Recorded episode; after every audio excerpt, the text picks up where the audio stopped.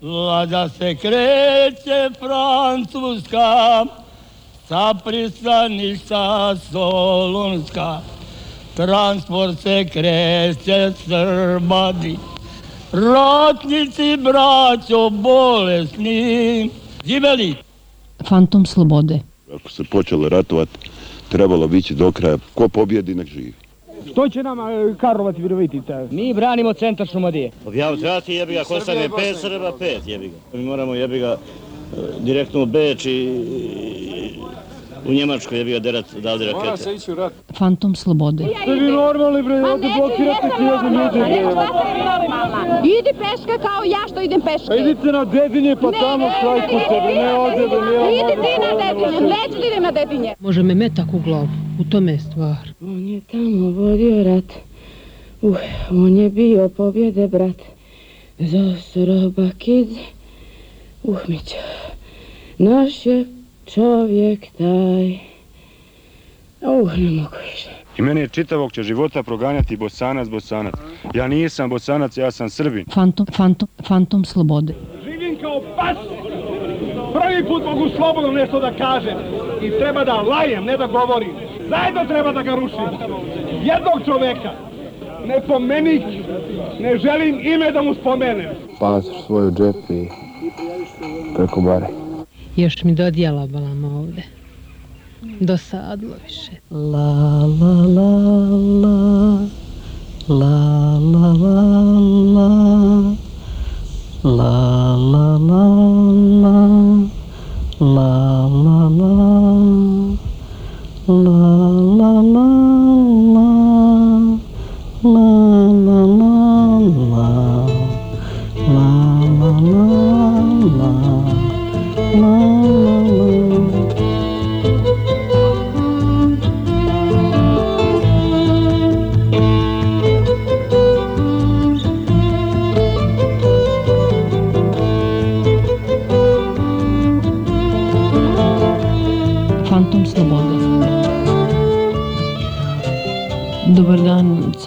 20 sati i 7 minuta počinje emisija Fantom Slobode radija B92.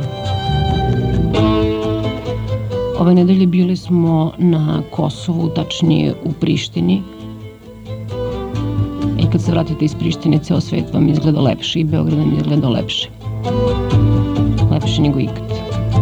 Pre ulaska u Prištinu, sela Jug Bogdan 9 Jugovića, jako mnogo blata, ogromne ružne kuće crvenih blokova, one me obsedaju i stalno pričamo o tim crvenim blokovima, dvorišta ograđena visokim zidom od crvenih blokova. Najabsurdnije su stare kuće, one koje su malterisane blatom, znači stare kuće takođe imaju nove visoke zidove od crvenih blokova. Na svakoj novijoj kući satelitska antena, često i dve na jednoj terasi. Kažu da na Kosovu ima 12.000 takvih antena, sve su okrenute prema Tirani, redko ko gleda TV Tiranu, kažu da je užasno dosadna. Gledaju MTV.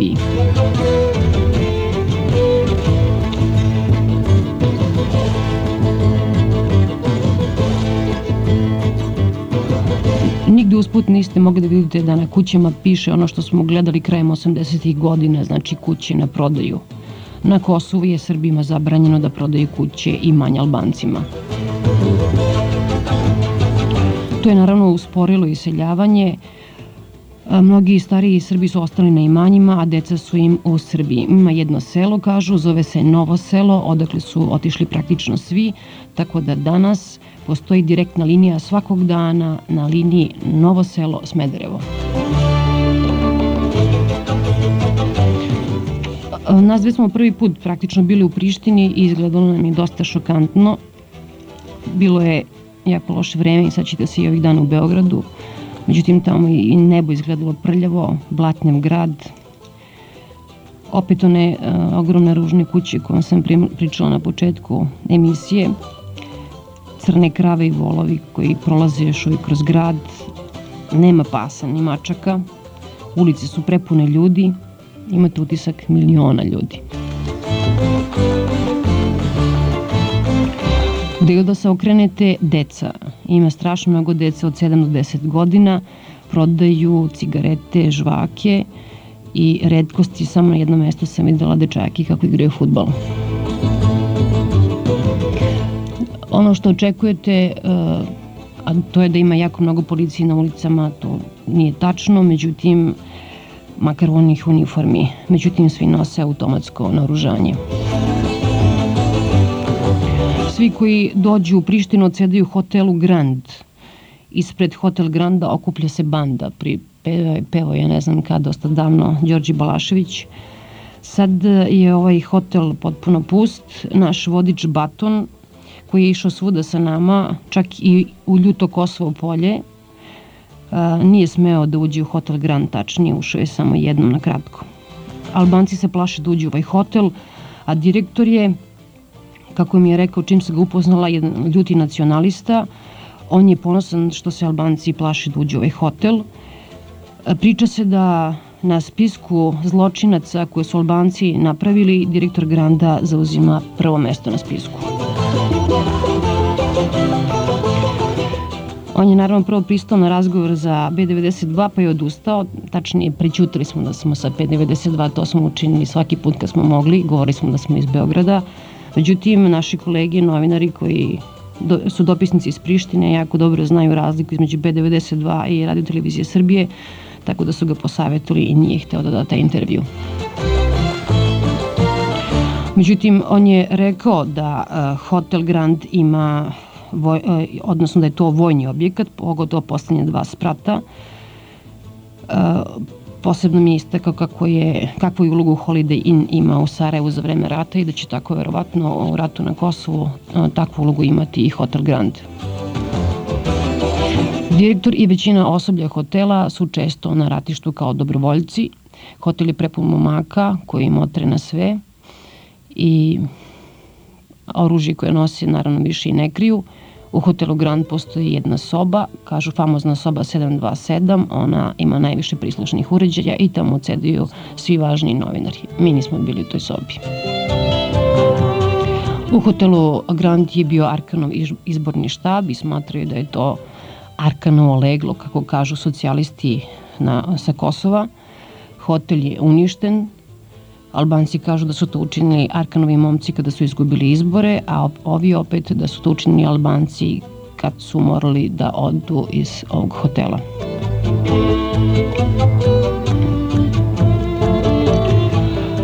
U hotelu Grand se skupljaju Srbi, a Srbi opet kažu redko izlaze u grad, nije valjda više bezbedno. Dakle, Srbi se okupljaju u hotelu Grand, u kafiću El Greco i u hali Boro i Ramijska dolaze narodnjaci. Albanci izlaze svuda, ima jako mnogo tek otvorenih kafića u kojima sviraju rege, u kojima peva Pavarotti i Whitney Houston. Nema albanske muzike. Albanci ne, ne žele da ih smatraju islamskim fanaticima, pa iako postoje četiri konfesije, dakle islamska, katolička, pravoslavna i unijatska, oni ističu svoj hrišćanski, odnosno katolički duh. Tako i u glavnoj prostori Demokratskog saveza Kosova centralno mesto zauzima slika Ibrahima Rugove i Jovana Pavla II.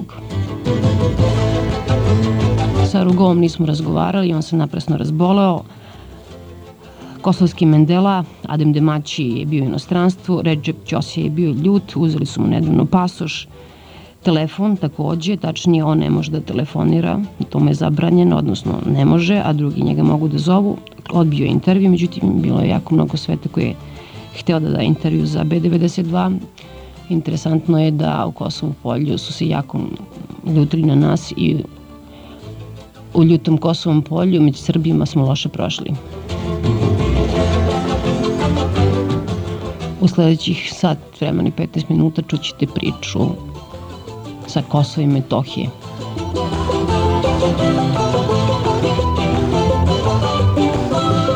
sati i 15 minuta, ovo je emisija Fantom Slobodije, radija B92.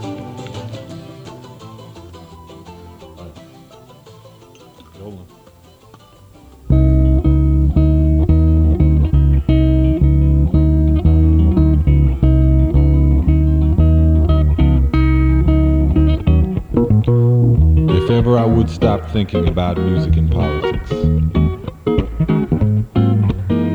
I would tell you that sometimes it's easier to desire and pursue the attention and admiration of a hundred strangers than it is to accept the love and loyalty of those closest to me.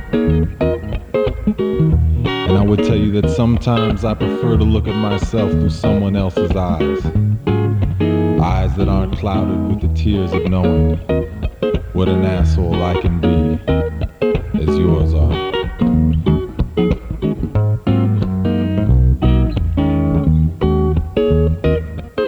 If ever I would stop thinking about music and politics, I might be able to listen in silence to your concerns, rather than hearing everything as an accusation or an indictment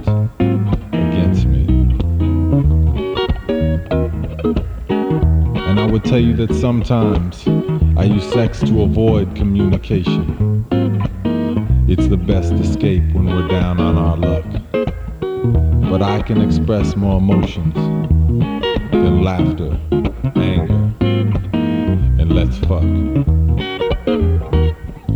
If ever I would stop thinking about music and politics, if ever I would stop thinking about music and politics, if ever I would stop thinking about music and politics, if ever I would stop thinking about music and politics.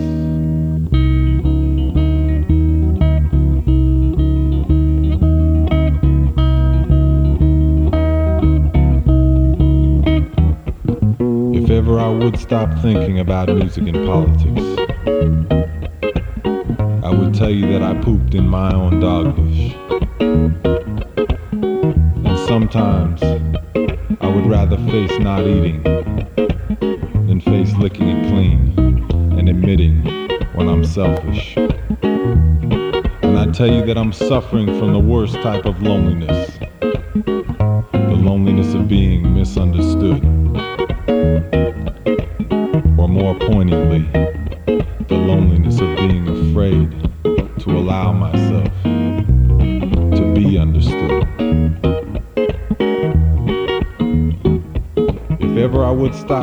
about music and politics,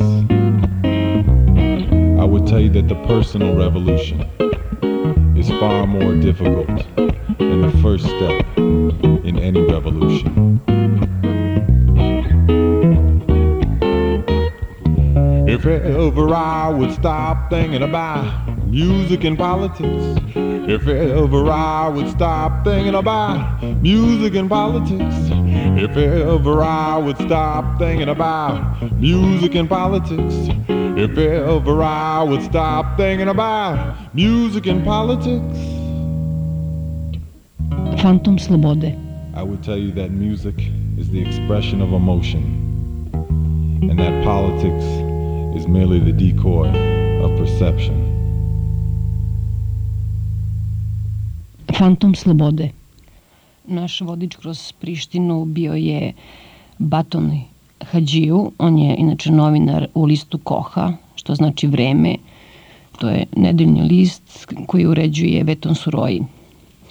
Bez obzira na to, Baton smatra da je njegov politički idol Škelzen Malići, koga je upotrebio ovih dana da ga pošalje da prosi devojku za njega. To je stari albanski običaj i isprošena je devojka. Baton inače e, je dobio ime po poslednjem ilirskom princu i shodno tome živi u naselju koji se zove Sunčani breg. Rekla sam već da je hteo da pokaže da je hrabar, uvek to pokušava i demonstrirao nam je svoj ulazak u Hotel Grand i u Kosovo polje. On nam je e, rekao, između ostalog, da je pogredni naziv za Srbe škije, međutim, nije hteo valjda iz pristojnosti da nam prevede šta to znači. Albanci se dele ovih dana, makar one koji smo sreli na one koji su videli Tiranu, i, odnosno Albaniju i koji nisu videli. Baton je video Tiranu i tamo je dobio batine, kaže, iz političkih razloga. Jedno može se desiti nešto, recimo u Prištini i uvek su prvi vranjevci. Ljudi koji ne žive dobro, koji žive e, recimo ko građani Vranjevca, uslovno reći građani. Baš u blatu. Baš u blatu. I ovi i, i građani koji žive u Sunčanom bregu, gde ja živim. Pa ja mislim da 90% ljudi koji, koji su živjeli u Sunčanom bregu i u Dragudanu gledali su demonstracije kroz, kroz prozor ili kroz balkon.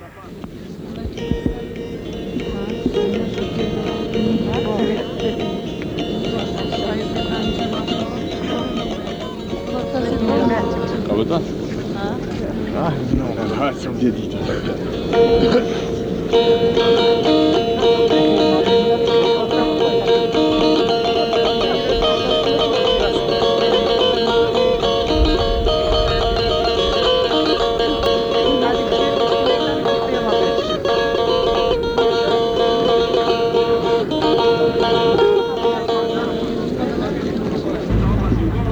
U stvari ja mislim da je, ako Kosovo duša srpskog naroda, ona, ta duša se nalazi u stranom telu.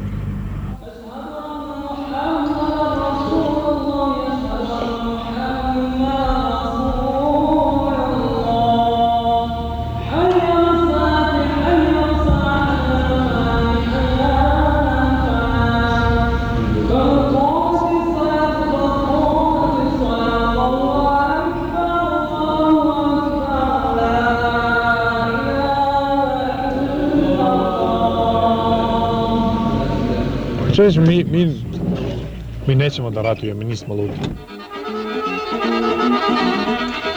DP Konfekcija Kosovo polje raspisuje oglas za prijem 40 polaznika stručnog osposobljavanja. Dokumenta se predaju do 13. aprila u Konfekciji Kosovo polje, ulica Cara Dušana bez broja. Kazino u Bioskop Omladina 2 radi, radi poslovnog partnerstva raspisuje konkurs za direktora kazina uz obavezan uslov poznavanja delatnosti. Prijavljivanje kandidata u kancelariji kazina svakog dana posle 21 sat. Bioskop Omladina 2. Građevinsko-industrijsko preduzeće Grading iz Prištine hitno traži više VKV i KV zidara za rad u Rusiji i Ukrajini. Zainteresovani se mogu javiti na telefon 23752 ili direktno u upravu preduzeća.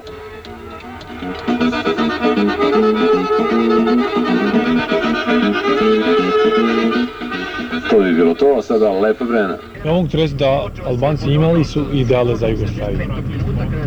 Jer ipak su imali e, prosperitet u, u jedan desetogodišnji period. I kad su počeli da intervenišu milicije, brutalnost, hapšenje, ugrozno, ja tada sam počeo da mrzim Sr Srbe, dok sam došao, svest da moram mrziti politiku. Uz sve državničke počasti, ali i u izuzetno prijateljskoj atmosferi, prošli su ovi prvi minuti dočeka predsjednika Srbije u Bukureštu. Milošević i Ilijetko su potom pešice došli do predsjedničke palate, gde su zatim počeli zvanični razgovori. Rumunski predsjednik obratio se predsjedniku Miloševiću najpre rečima Moj dragi prijatelju. Jedino Grand je državno, nema više restorana u Tuni. Koja lova ovaj lokal košta jednom 400 400.000 maraka. tune. Da, da. Ovaj lokal je bio Peronikal. Ima negde 500, 600 kvadratnih metara. Odmah se, to se zna, ako slušaš nešto narodno, onda si negde ispodvijao, jebi. Evo, ovo je.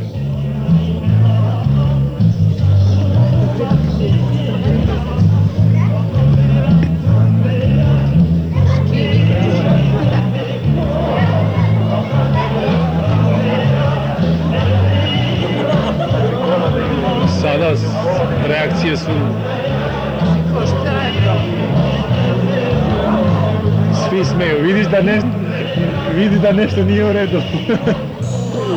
Fantom slobode.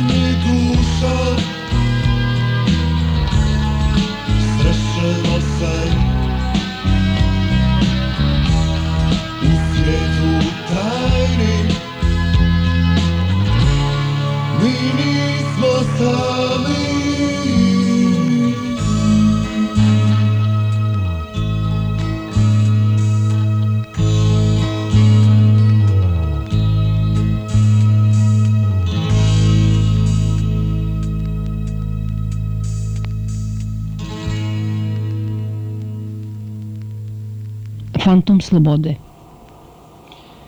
Kada hoće da vam dokažu da postoji Republika Kosovo, kao primer navode vam Albanci paralelno obrazovanje od osnovne škole do univerziteta. Jedna od najvećih škola u Prištini je škola Josip Broz, odnosno Jovan Jovanović Zmaj, nekada je bila Josip Broz Tito. Tamo još uvijek ima 88 ruža, sklonili su samo bistu. U polupraznim učionicama, levo kad uđete u hodnik, e, su odelenje gde uče srpska deca. Ima ih 383 i uče u osam učionica. Desno u hodniku, iza nekih barikada, improvizovani i uče al- albanska deca, ima ih os- 1820 i uče u 19 učionicama. Na zidovima u hodnicima, u tom delu gde uče mali albanci, ima mnogo dečjih crteža, Uh, jedna od najčešćih jeste s- špalir surovih vojnika, onako kako smo mi nekad crtali Nemce, i između njih prolaze majke i očevi koji nose mrtvačke sanduke prikrivene albanskom zastavom. U Prištini postoji, postoji jedno se, a, naselje, zove se Vranjevac. To je e, naselje koje ima skoro 50.000 stanovnika, liči na one favele iz filmova koje smo gledali.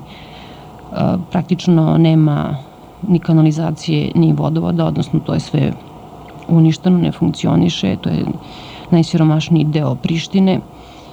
Kažu da je tamo jako opasno i da policija tamo ne zalazi osim u velikim grupama, to za vreme demonstracija.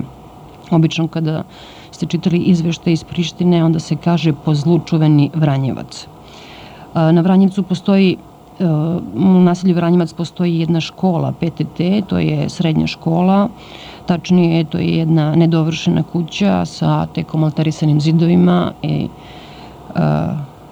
drvenim klupama gde uče uči otprilike 586 đaka u toku dana, oni pešače po sat, dva, pa i tri sa drugih krajeva, iz drugih krajeva Prištine da bi došli u te paralelne srednje škole.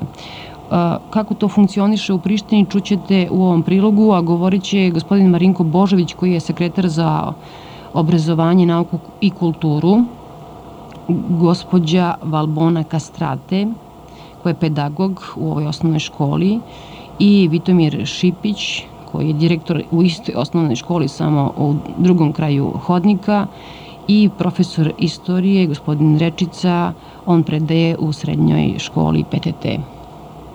U osnovnim školama situacija ovakva. E, učenici Albanci koriste državne zgrade. U srednjoj školi je drugčija situacija što se tiče korištenja zgrada. U mnogim etničkim čistim sredinama albanskim đaci, srednjoškolci, albanci koriste državne zgrade. Međutim, u gradovima i u većim mestima gde ima i nastave na srpskom jeziku, te zgrade se ne koriste, već učenici albanci pohađaju nastavu privatnim, u privatnim kućama, u drugim nekim ustanovama, džamijama, odama i tako dalje. Na fakultetu je slična situacija od te godine, od 92. znači, iako po zakonu Albanci mogu da imaju ne, grupe, albanski jezik, albansku književnost, dramu, istoriju, situacija takva da su se profesori kao i u srednjoj i osnovnoj školi povukli, organizovali svoje paralelne fakultete u drugim ustanovama i rade naravno po svojim planovima i programima, ne polažući računa ne samo sekretarijatu ovde u Prištini, nego ni ministarstvu u Beogradu, niti bilo kome. Oni izdaju diplome na albanskom jeziku, samo na albanskom jeziku, izdaju diplome u osnovnim školama, u srednjim, na fakultetima, čak se i doktorira i magistrira, a da se dokumentacija ne vodi validno, odnosno ne vodi po zakonima države u kojoj se živi. Mi govorimo službeno sa, s drugom stranom, dogovaramo se o, o nekim stvarima koje se tiče objekata. Inače, što se tiče ove profesionalne e, radnje, mi radimo to nezavisno od druge strane. Kao što ste videli tu barikade, mi imamo x problema s druge strane, jer e, naši nastavnici su uvek na nogama ja ne kažem da i s one strane nisu u isti položaj, ali učenici kao učenici hoće da, da govore još uvek, jer imali smo mi pre neki dan jednu tuču između učenika i odmah pre tu da će da pozove miliciju. A te, te stvari radu se svudi i van škole. Prema tome, jedan, jedna mala greška s naše strane to može da se hiperbolizuje, a neka veća greška s one strane može da mi treba da, da smo tako ravnodušni da to uzimamo kao normalnu stvar. Školska zgrada je otvorena za sve učenike i za srpsku nastavu i za albansku nastavu. I oni koriste sve blagodeti države srpske, a to je učenički prostor, nameštaj, učila, nastavna sredstva, grejanje, higijenotehniku, električnu struju kompletno sve ono što koristi srpska deca. U toj paralelnoj školi postoje samozvani direktor koga država Srpska nije postavila, on je bio moj pomoćnik, saradnik, međutim sada je on, čuo sam da je direktor škole. A koliko je to fizički udaljeno od vas ovde? E, fizički nismo uopšte udaljeni, mi smo u istoj zgradi. U istoj zgradi e, rade učenici jedne i druge nastave. Postoje jedna fizička podaljenost, niko s nikim ne razgovara, niko s nikim ne opšti, izdev jednog malog broja albanaca koji se na određeni način javljaju ili koleginicama ili meni. Kako se vi osjećate? Mislim, prosto kao čovek u takvoj situaciji? Vrlo loše. Vrlo loše. Dojučerašnji prijatelji sa kojim sam ja ovde počeo, sam prvi direktor ove škole, Počeo sam, to su mahom svi radnici koje sam ja primio. Ali da li su okrenuli leđa, ne znam zašto. A verujem da se jedan broj nastavnika na albanskom nastavnom jeziku tako loše osjeća što ne može da kaže, nazove svoj kolegi, koleginici, dobro jutro ili dobar dan ili mirvinđes ili mirdita.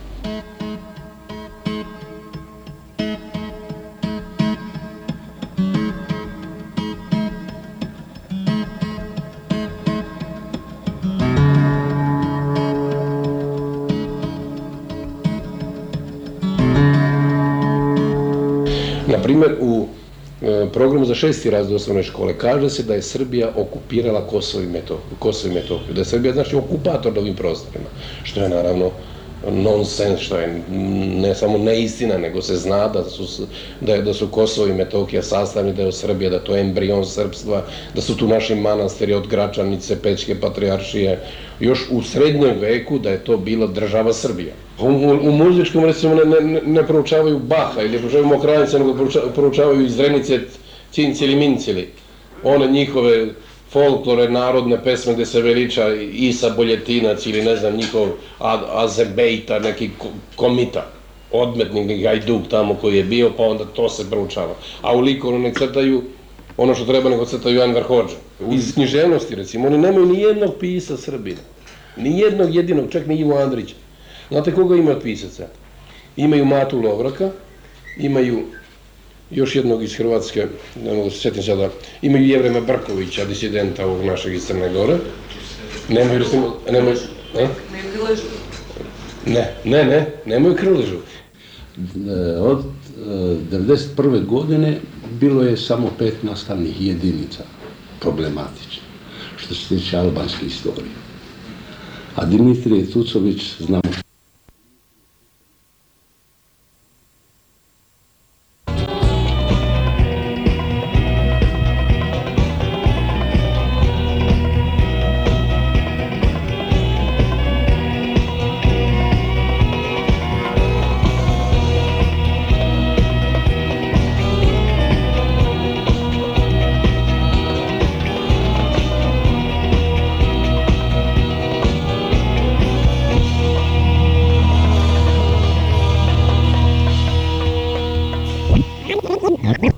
B92, Fantom slobode. Kao što sam rekla na početku emisije, gospodin Rugova u poslednjem trenutku je otkazao intervju, kažu da je bolestan, a opet Albanci tvrde da je to zbog toga što ne voli da priča ili ne ume dobro da govori ni za radio ni za televiziju. Gospodin Demaći je u inostranstvu, Ćosja takođe odbio intervju, međutim Vetan Suroji je naravno pristao na razgovor sa nama. On je, da vas podsjetim, bio predsednik Prištinske podružnice u Idije svoje vremeno, dok je postojala ona stara Jugoslavija. Kad se raspala, onda je on postao lider parlamentarne partije na Kosovu. Ona je inače bila dosta snažna, u stvari druga po snazi posle Rugovine partije. On se trenutno povukao na neki način iz politike, uređuje jedan uticaj nedeljni list Koha, Vreme, imaju lepe moderne prostorije. A inače u poslednjem broju su pisali o sukobu između Bujara Bukošija, predsednika vlade i Ibrahima Rugove. Nih, niko nije tada nam objasnio o čemu se radi, svi su se zagonetno smeškali. Inače, Veton Suroj je studirao književnost nekada u Ciudad Meksiku. Preveo je Markesovu hroniku najavljene smrti, želja mu je da prevodi, ali eto, trenutno je novinar i političar. Ne mislim da postoji Republika Kosovo, ne mislim da postoji ni Republika Srbije. Ono što postoji je e, grupa ljudi koji izigravaju e, formiranje države e, na jednom te istom prostoru, te su čak dovoljno pažljivi prema jedan drugom da ne jedan drugom ne stanu na žulj. I u tom smislu ovde postoji jedna volja za Republikom Kosovo i to je volja većinskog stanovništva. Ne postoje um, mehanizmi kojim bi se to ostvarilo, postoje nastojanje da se to uradi i postoje veoma negativni efekti kada se to uradi, na primjer, u školstvu.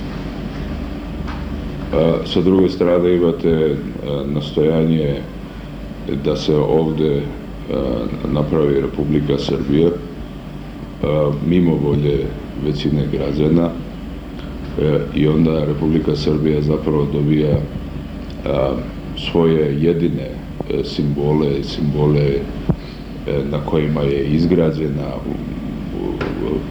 izgrađena ne u smislu svoje državnosti prethodne, već u smislu svoga novog nastojanja u ovom rascepu bivšeg Jugoslavije, a to je simbol pendreka, simbol snage, simbol represije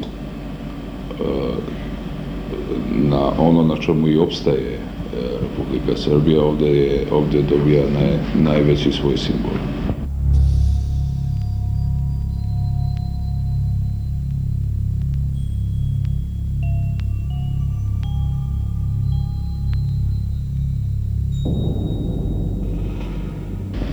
Izgleda nisu čitali strip. Fantov je dobar strip zapravo bio. Lepo vreme.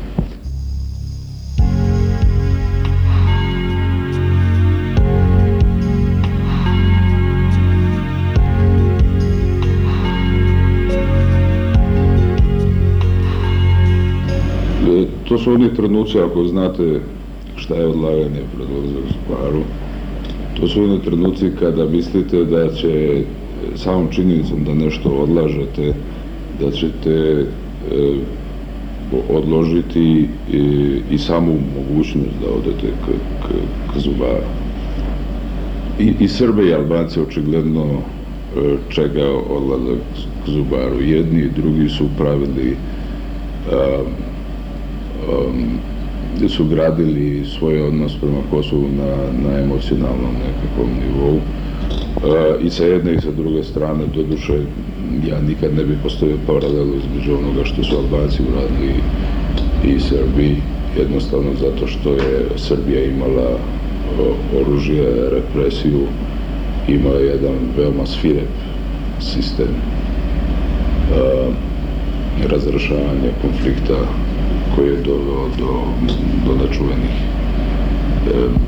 stvari ali u suštini i jedni i drugi će morati objašnjavati onda i, i političari i ljudi angažovani u politici i parapolitičari i, i paramilitarci će morati objašnjavati šta zapravo oni misle pod, pod tim da Kosovo mora živjeti normalno. Vraćam se ponovno zubara, koga će u stvari više boleti na kraju sa kraja? Onaj koji više odlaže. Um, to je jedna praksa kod, kod zubara. Um, zato se mora svaki šest mjeseci ići bar na pregled.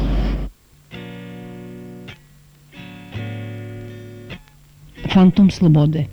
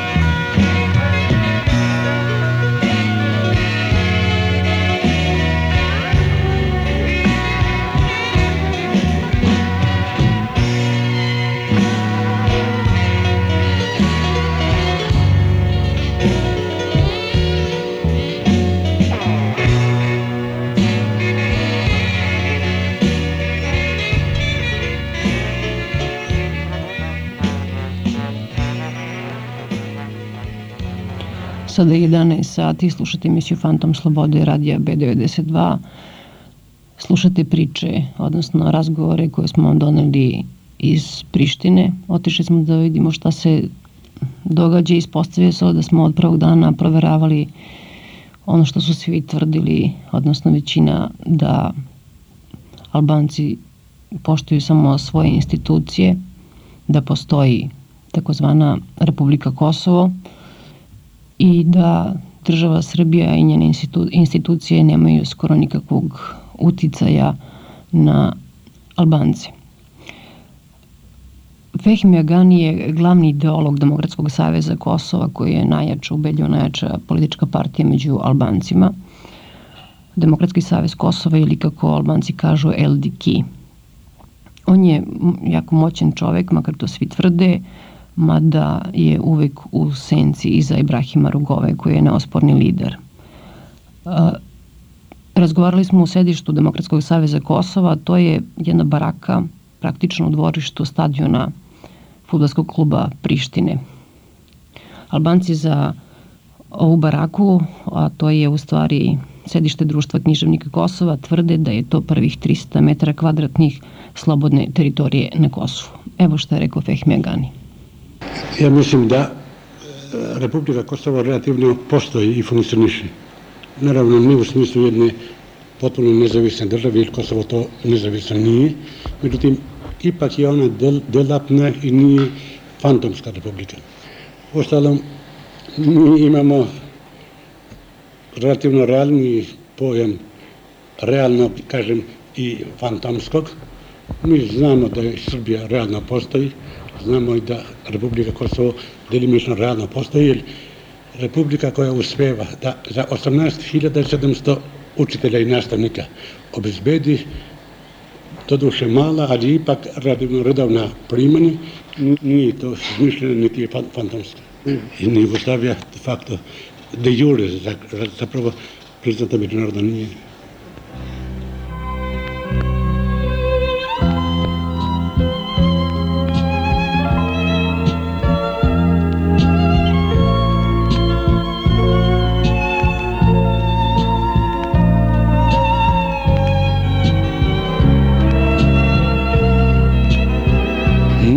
Se mora znati da ova država se stvara bez Albanaca kao nealbanska i kao protiv albanska po svojoj suštini. Vidite, Nealbanska je po osnovnim svojim opredeljenjima, idealima, zvaničnim, rekao bih, pansrbizam, panstavizam, ekstremni ortodoksizam i tako dalje.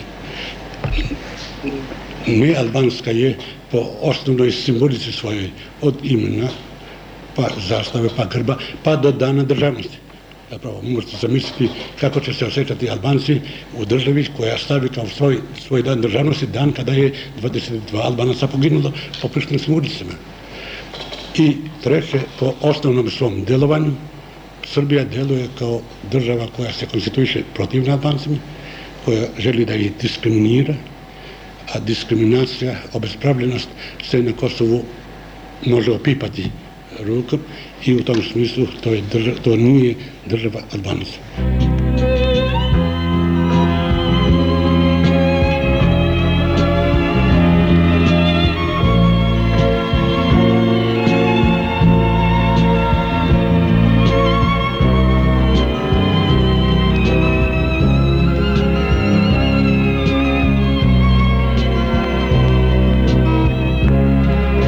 националном составу Kosovo nije Srbija.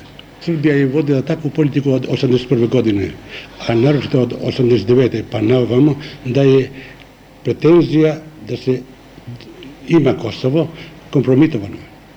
Ukoliko jedna zemlja drži 15 godina jednu regiju u stalnim nekim vanrednim stanima i okolnostima, onda ne može pretendovati da to bude sastavni deo. Mislim da, mislimo da na Kosovu postoji dovoljno odlučnosti da se onemogući normalno vla, normalna vladavina Srbije na Kosovu. Na kraju krajeva izgleda to sada kao parola, ali politički je Srbija na Kosovu poražena.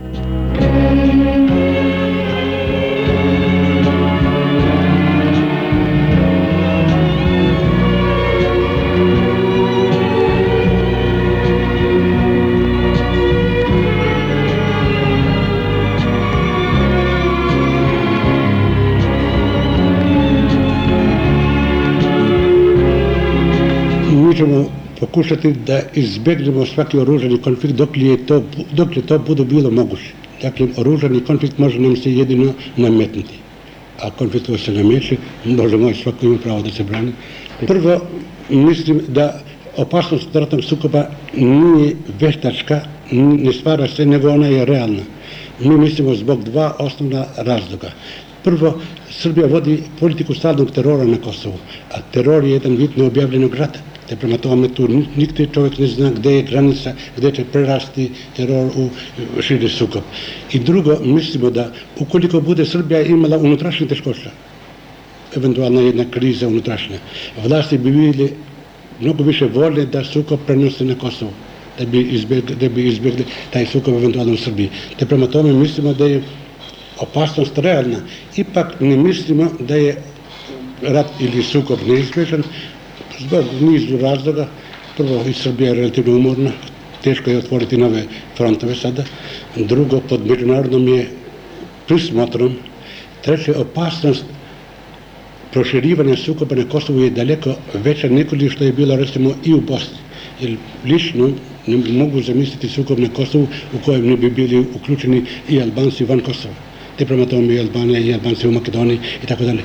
A što se tiče spremnosti i pripremljenosti, nismo ni pripremljeni za, or, za oružani sukob. Ali gde su izbili sukobi, tu su se nekako vrlo brzo pre, prestrojili ljudi. Uvek se našao neko koji je doturao oružje. Ne bi željeli da to bude, ali mislimo da bi, zapravo mislimo da niko ne treba da politiku gradi na pretpostavci da Albanci nisu spremni, te prema tome moguće i sve što učiniti na Kosovu.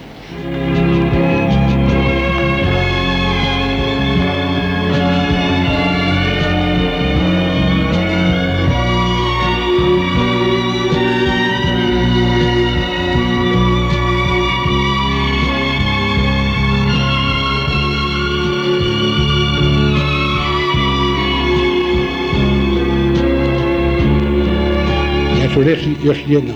Ako danas ima mira na Kosovu, mira ima na Kosovu zato što se za mirno opredeljenje opredelila, opredelilo ne samo Kosovo, nego i Albanija. kada bi Albanija bila opredeljena za neku drugu opciju, na Kosovu bi sukoba bilo.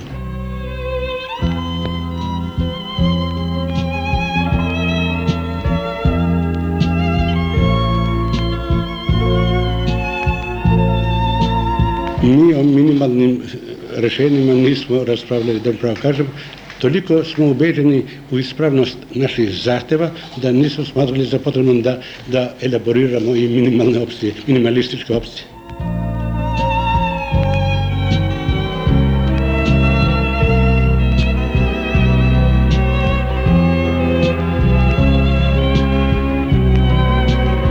Meni nisu oduzeli pasoš, Vada su mislili da samo to u godinama da ne, ne, ne predstavljam opasnost za ovu zemlju. I...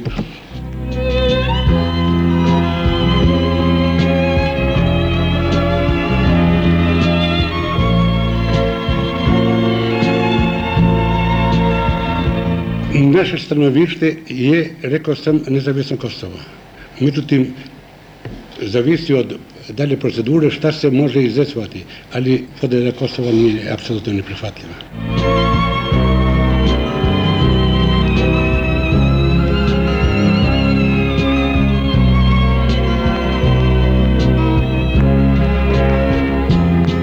Ja verujem da ću doživjeti nezavisno Kosovo.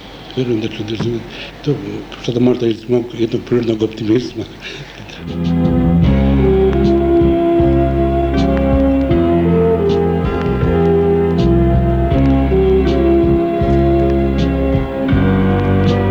Ne znam zbilja, mi smo nakretani među Srbima, ali pretpostavljam da Srbi su svjesni da ovako ne može. B92 Fantom slobode I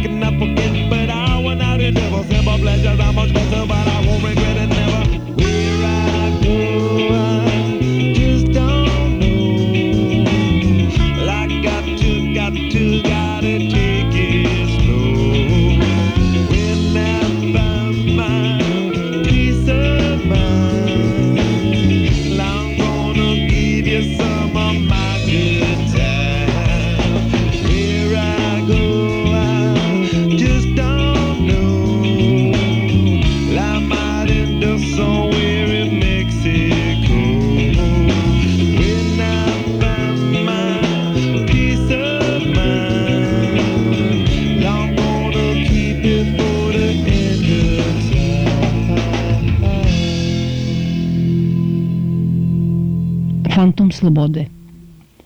Nekoliko naših sugrađana su napustili Beograd pre nekoliko godina i otišli da žive u Prištinu. Dole smo sreli Faruka Begolija. On je sada profesor na, pa ne znam kako se to zove, valjda paralelna pozorišna akademija. On vodi pozorište Dodona. E, U tom pozorištu radi i Ener Petrovci, a u Prištini sada živi i naš nekadašnji sugrađanin Škelzen Malići. On ima jedan veliki problem, desetogodišnjeg sina koji u školi piše sastave na temu Srbi fašisti, a kod kuće gleda, ponaša se kosmopolitski, odnosno gleda MTV i Škelzen Malići ne zna šta će od njega na kraju svih krajeva ispasti. Dakle, naš najmiliji sagovornik u Prištini Škelzen Malići. A ovo proleće se razlikuje od svih ranijih. Prvo, skoro su svi uvereni da je neposredna ratna opasnost prošla. Mnogo se očekuje od ovih međunarodnih inicijativa. Rat u Bosni je prekinut, a ovde se ne vidi da bi moglo da, da, da počne kao što je ranije se strahovalo da čim se završi rat u Bosni da će ovde krenuti sad postoje neke spoljne više garancije nego unutrašnje da do toga neće doći.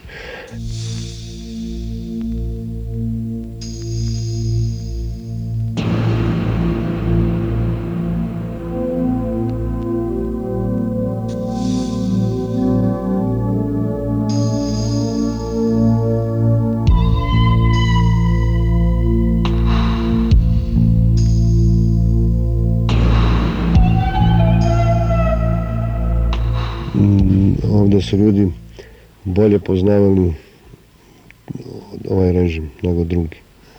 Oni su znali da, da Milošević i taj režim imaju stvarno ozbiljne namere i znali su da šta može da ih čeka ako e, i oni uzvrate istim, istom merom ili m, bar smo mi ovde koji smo javno delovali od kraja 80-ih po novinama i tako dalje, kad se malo oslobodilo, us, uspeli u- da uverimo ovaj narod u to, ali oni su imali neku intuiciju, znači to mislim na ove neke te tradicionalne institucije albanske, da se poselimo oni i postoji neka vrsta gerontokratije tih oda, gde se skupljaju ljudi i razgovaraju tako raznim povodima i kad je sahrana i kad je neka svadba, onda se ljudi skupljaju i tu razgovaraju. E sad, tu gde se no, i u tom tradicionalnim institucijama i ovim našim medijima, to je bila dominirajuća, prevladavajuća ocena da sa ovim režimom nema šale, da, da, da su neke provokacije bile ratne, da iza toga može da stoje velike, ono što se dešavalo u Bosni, znači masovno iseljavanje, etničko očišćenje i šta ja znam, da je vrlo rizično da, da se ide na taj put, mada i bilo i ovde 90. godine neki koji su zagovarali, dobro, ićemo na, idemo na, na zaoštravanje, na rat, jer to narod hoće, bile su masovne demonstracije. Izginut će možda 50.000 ljudi, ali ćemo se konačno osloboditi. A protiv argument je bio, dobro, izgubit ćeš možda i 200.000 i ko zna koliko izbeglica, a, a nije sigurno da će dobiti rezultat.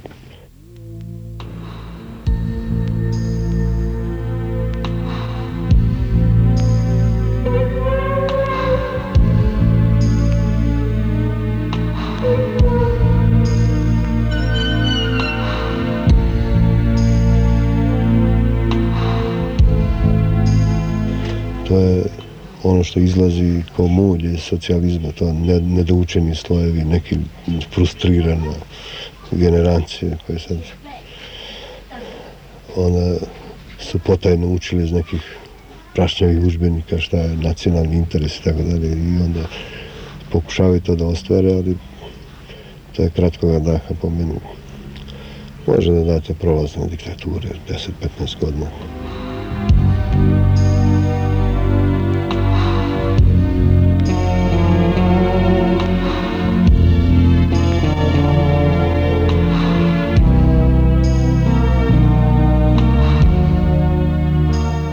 E sad, tu Albanci imaju jednu prednost, što oni nemaju nikakvu uh, ono, hvala, hvale vrednu tradiciju, znaš, u nekom smislu, uh, veliku, slavnu tradiciju. Oni su imali nekog, nekog Skenderbega, ali, ali to je tanka tradicija. Ta tradicija otpora prema nekom zavejaču, ali nemaš, i, nema te bazične kulture. Ili ako bi nju tražio, onda bi to trebalo biti islam i tako dalje. I očekujemo da nas zapad izvuče iz ove zaostali. Tako. I vrlo malo to, nemaš gdje da se vratiš u prošlost zapravo. Ta naša mitska prošlost je tanka. Da smo imali više mitske prošlosti, onda bismo vratno vrlo brzo ušli u istu šemu kao i, i, i Srbi.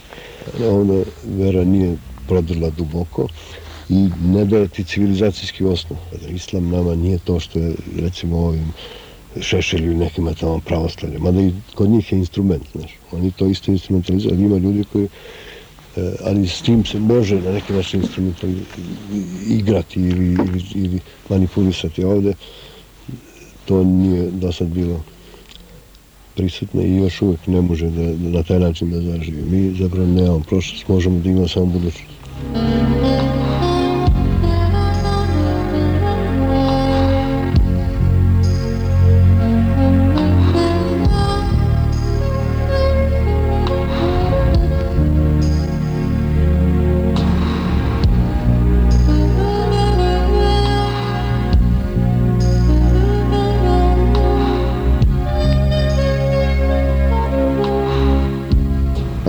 politike je tako, ali recimo uzmete na planu ekonomije, imate puno Albanaca, na hiljade tu koji svaki dan idu po Srbiji, trguju normalno, i Srbi koji dolaze ovde i trguju normalno, samo tu postoji, ovaj, kako bih rekao, milje zajedničkog interesa gde uopšte ih ne zanima politika i, i oni rade posao, tu se vrte veliki poslovi u uslovima sankcija, znači da ipak postoje segmenti života i to vrlo važni, vitalni, gde nešto funkcioniše. Kad bi njima dali da, da odlučuje, možda bi oni našli neko rešenje, ali ovi političari, mediji, književnici i drugi koji upravljaju ovom sudbinom i srpskog i albanskog naroda, oni su se posvađali, ali ovi trgovci ne. Samo što trgovci ne prave države.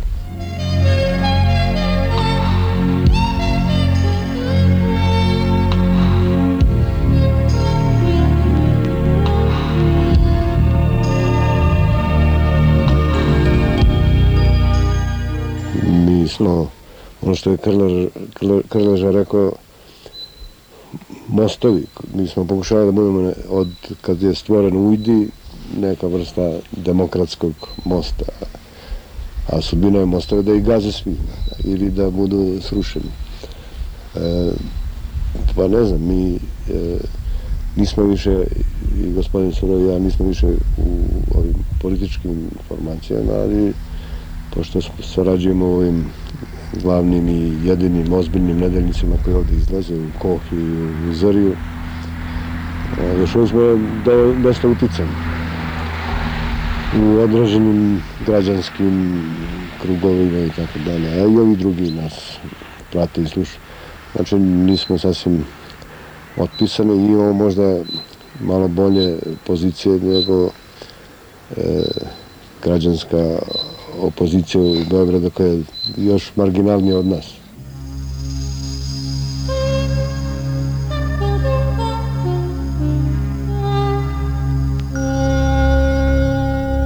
Fantom slobode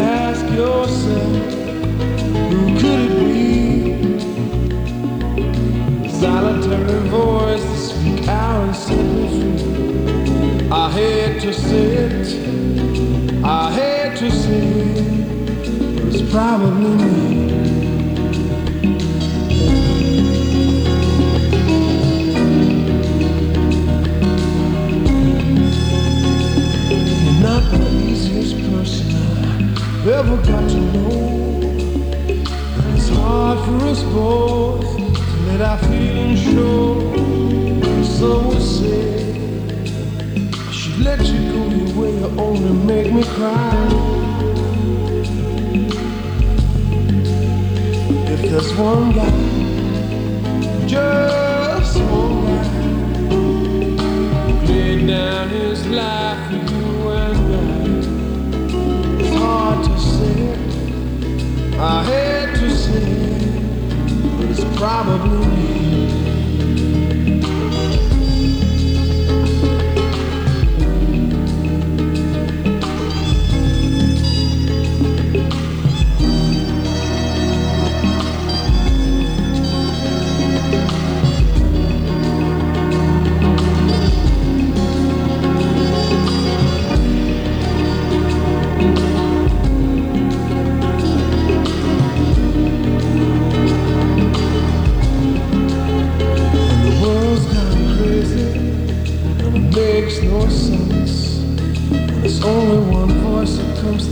Your defense. The jury's out. I search the room, and one friendly face is all you need to see. But if there's one guy, just one guy who laid down his life for you and I. It's hard to say I hate to say but it's probably me. I hate to say it, I hate to say it, but it's probably me. I hate to say it, I hate to say it, it's probably me. I hate to say it,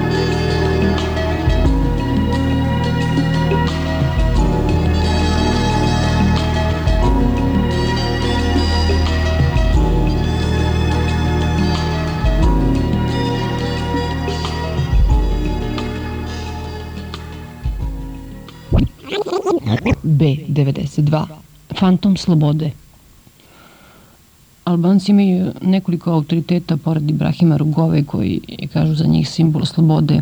To je naravno Adem Demaći, naš uh, Nelson Mandela, kako kažu, On je proveo zatvoru 28 godina, naravno tu je i Recep Ćosija. Međutim, za mlade Albance, pa i za našeg vodiča Batona, njegovi junaci su, odnosno njihovi junaci su Hidayet Hiseni i Bajram Kosumi. Njih dvojica su 1981. godine osuđeni kao organizatori demonstracija.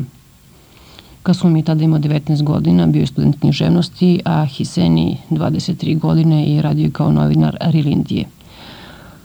Njih dvojica su osuđeni na 15 godina zatvora, na po 15 godina zatvora, a odležali su po 11, uglavnom u Beogradu i u Nišu. Izašli su iz zatvora e, pre dve godine, Sada je Hiseni predsednik odbora za zaštitu ljudskih prava na Kosovu, a Kosum je predsednik parlamentarne partije. U ovom prilogu čućete pre svega Hisenija, to je zato što je govorio srpski, pa smo mogli da ga razumemo. A Kosumi nije, rekao je da ne zna, međutim zna da govori srpski, pri čemu ne da nije hteo, nego nije mogao. Hidayet Hiseni liči na intelektualca, a Kosumi je ličnost, očigledno. On je visok, lep, mršav, tih, onako skoro eteričan, liči na one revolucionare iz knjiga i liči na revolucionare čiji biste sliku da ste mlađi držali na zidu i definitivno vi ste sa njega s druge strane. Pisanje uh, pesme Hidayetovi Senje, on je poslao nas jedan, jedan mislim, delić, ja sam tada bio novinar uh, Bota R, Novi svet. Mi smo objavili uh, Sohi da je non, led, DVD, je, znaš kako je na, napisao te, te pesmice? Mi smo sa lupom čitali to. Mi smo mogli dešifrovati apsolutno. Sa lupom smo čitali i objavili.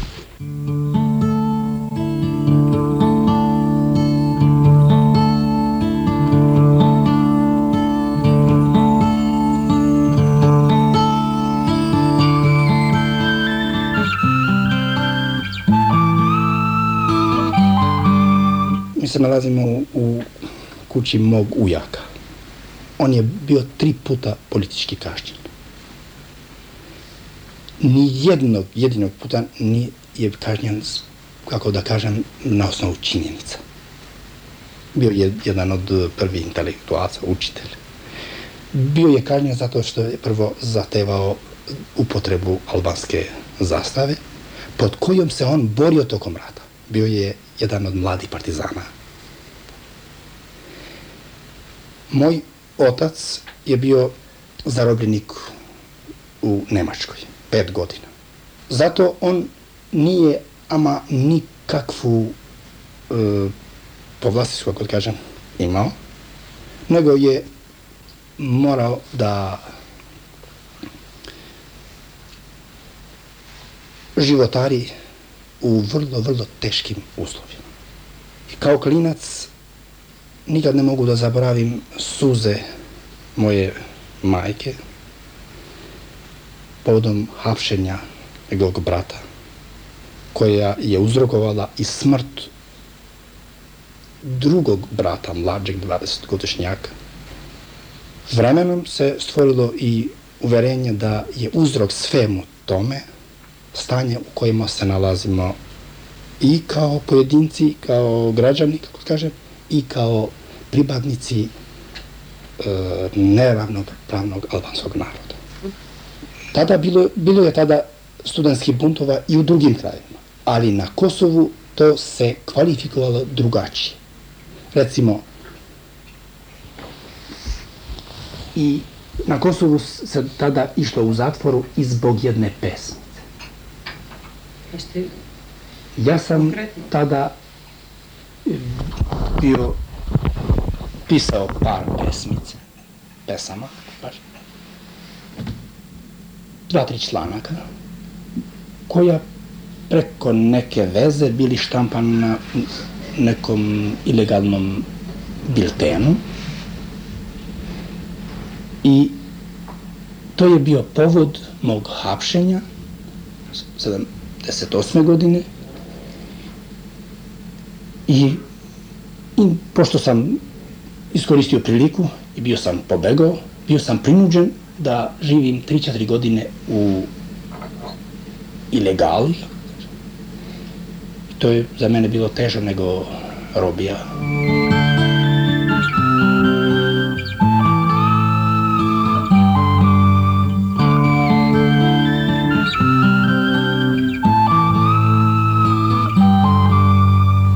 Izrazio sam to i u jednoj mojoj pesmi. Nije to u pitanju samo kod mene, nego kod većine Albanaca koji su prešli kroz te zidove i sad mi digresije, pa da se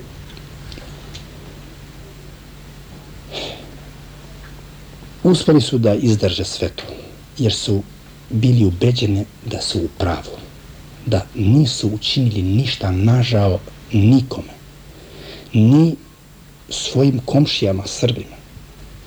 U nekoj pesmici, moj kaže, se dok ga tuknu, tuku, mučenik go odgovori ima i teže. Vezuju lancima, kaže ima i teže od toga. Stavljaju ga u samici, u samoći, u betonu i tako dalje. On, on odgovara ima i teže od toga.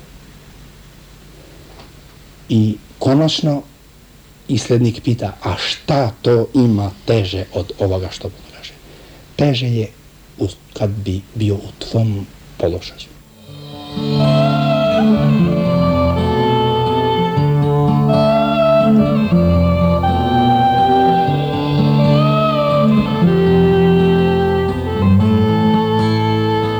Ja mislim da ipak Milošević nije tako nepopustiv. To je fora. Milošević jednostavno nema izlaska. On je nije došao na vlast pomoću argumenta, nego je došao na vlast pomoću manipulacije i pomoću huškanja naroda protiv drugog naroda. Svako racionalno rešenje je pad Miloševića, kraj Miloševićeve politike. Milošević zloupotrebljava i naravno miroljubivu politiku Albanaca, I to se prikaže kao nemoć Albanaca u Sokobu sa Srbima. Ja mislim da to nije tačno. Ista je ta omladina, još smo živi. I budite sigurni da ne nedostaje hrabrost da se suprostavimo takvoj politici, čak i našem, kako da kažem, žrtvovaću. A ne može Srbija da ubije toliko Albanca koliko su spremni da ginu za Kosovo. Dobro je rekao Karadžić, kada plaču majke, plaća, plakaće na obe strane. Mi smo sretni da nismo, kako kažem, uzročnik e, tuđe žalosti, kao što ne mogu da kažu drugi, nismo mi učinili recimo da neka majka bude savijena na crno, srpska majka, i ja se ponosim time.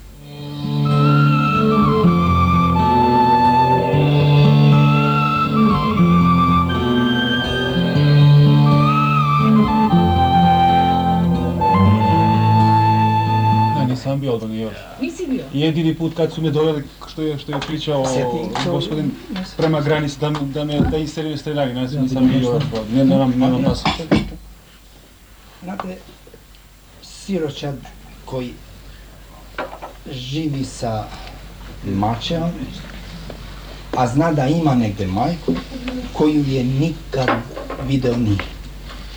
I normalna je stvar, svako dete izmišlja svoju majku kao najlepšu, najbogatiju, najpametniju, sve naj, naj. Izmišlja takvu kakva ona jednostavno ne može biti. A jo...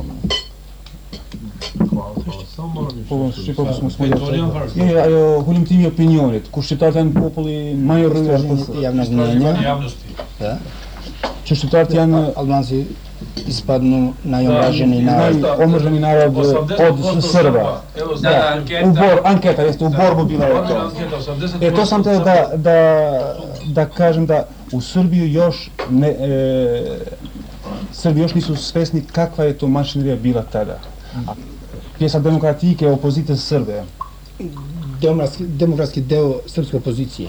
Kan e, detyr morale Mm, moralno su dužni, kako kažem. që të vërtetën edhe për vetën e tyre, edhe për sërbë të Sërbi, Da istinu i o samim po edhe për çështjen e Kosovës, za kosovsko pitanje ta thonë ma me guzim. da iznesu hrabrije. Jer šteta za Albance je samo, kako da kažem, za nas sad živi. Ali mislim da ono što se radi prema Albancima je šteta za Srbe i za buduća pokoljenja. Srpski narod ne zaslužuje tak, takvu ipoteku.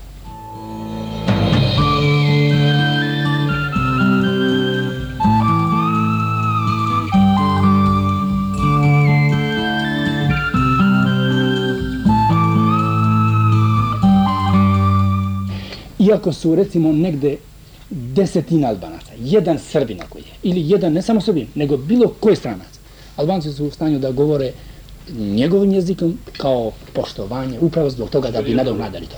Možda nije dobro, ali to je realnost. Fantom slobode.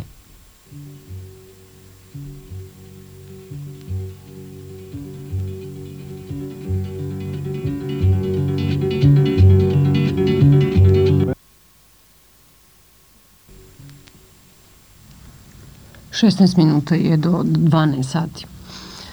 Svi Albanci sa kojima smo razgovarali u Prištini hteli su da pričaju na srpskom jeziku, odnosno automatski su vam odgovarali na srpskom jeziku, osim gospođe Valbone Kastrati.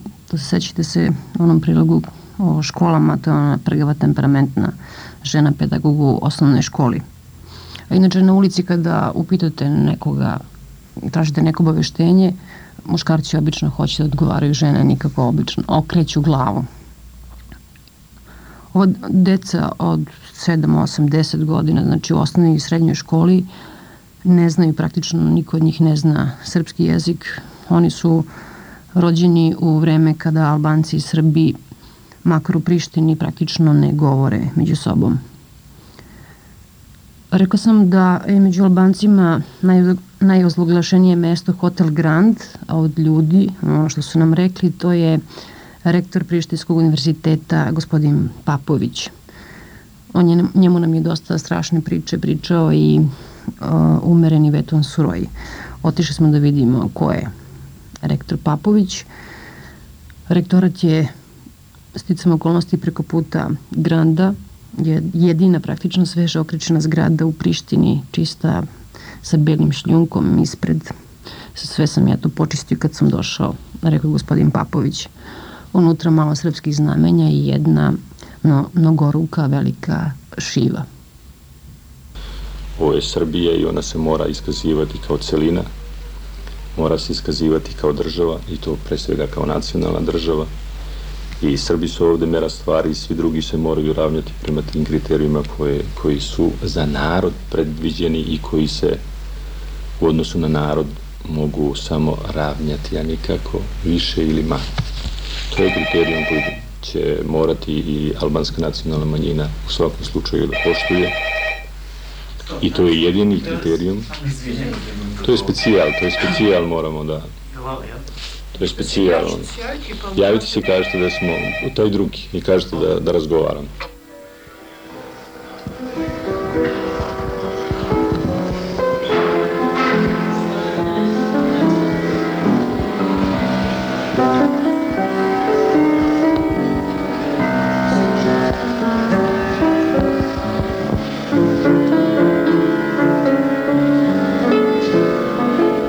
Isključivo na srpskom. Sva, svi su fakulteti, osim ovo, tri, četiri predmeta, koji su, svi su fakulteti na srpskom jeziku. Ne postoji ni jedna država koja se bavi jednom logikom državnom i koja razmišlja o sebi kao celini, koja bi sebi dozvolila da ima obrazovanje od osnovne škole do univerziteta separatno. To su pretpostavke za zaista, zaista takav i način življenja, za jedan paralelni život ali da je svima nama jasno da preko obrazovanja mi integrišemo to, ta, i mišljenje tih ljudi u celini. A znate šta bi još bilo pogubno mi ukoliko bi dozvolili takvo obrazovanje od osnovne škole do univerziteta na šiptarskom jeziku, time bi mi stvorili jedan e, nacionalni geto i odredili granice kretanja tih ljudi. I to bi bilo ono što bi se zvalo i nehumano, i nezakonito, i nekorektno. Ko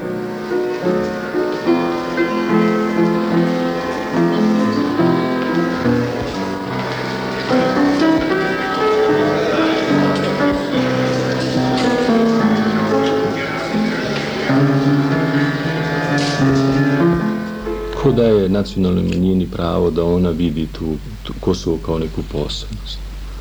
Zašto mi ne govorimo o Kragujevcu kao nekoj posebnosti? Zašto ne govorimo o Nišu kao nekoj posebnosti?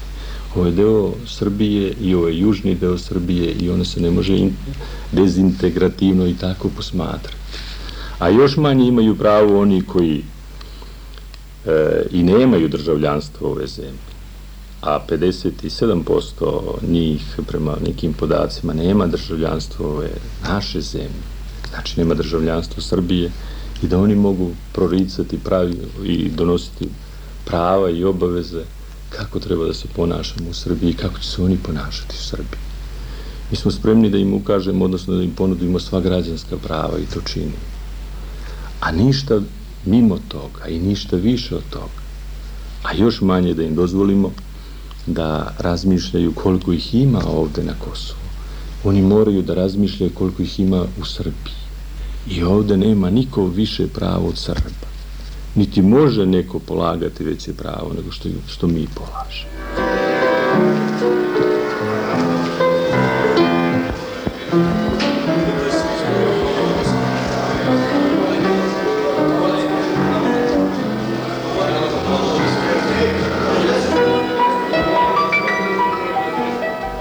Jer vi znate da je 12. i 13. vek posle vizantijskog e, vek e, posebnog uspeća srpskog naroda, koji je omeđuju opšte civilizacijske tokove Evrope. I on je i danas na toj visini, u toj lestici vertikale. A što se Albanaca tiče, ja želim da vam kažem da 1915. godine oni kao narod formiraju svoju aspoku. Prvi put. Sama ta činjenica je dovoljeno dovoljno im pokazatelji da se da uporedite to trajanje i da na toj relaciji nađete i te razlike koje su civilizacijske vrednosti. Jer sve što smo mi ovde činili pokazalo se da smo finansirali neprijateljstvo. Kad smo shvatili da, da to ide u jednu ukupnu pogubnost, mi smo uradili ono što svaka država mora da uradi, da donese jedinstvene zakone i da funkcioniše na na prostoru svoje zemlje jedinstveno i mi danas tih problema sve manje imamo i bit će ih sve manje.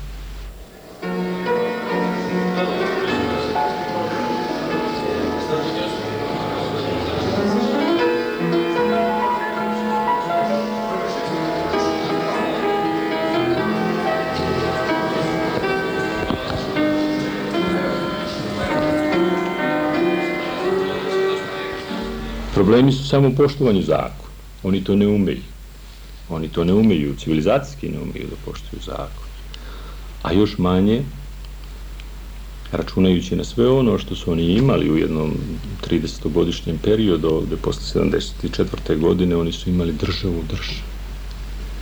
I ovo što oni ne ide ili što traže da na škole na svom jeziku, to je samo jedan od načina mobilisanja stranih faktora da su oni navodno ugroženi. Oni ne traže školu, traže državu.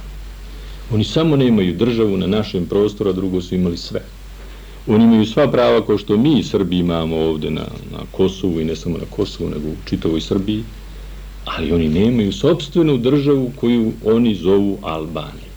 E to i mi nikada nećemo dati i tu razgovori svi prestaju da budu u funkciji bilo kakvog dogovaranja.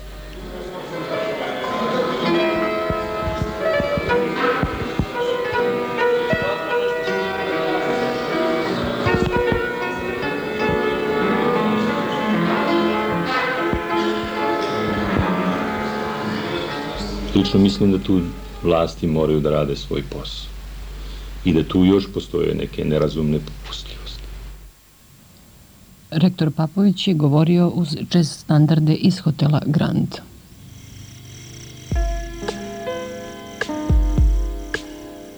Fantom slobode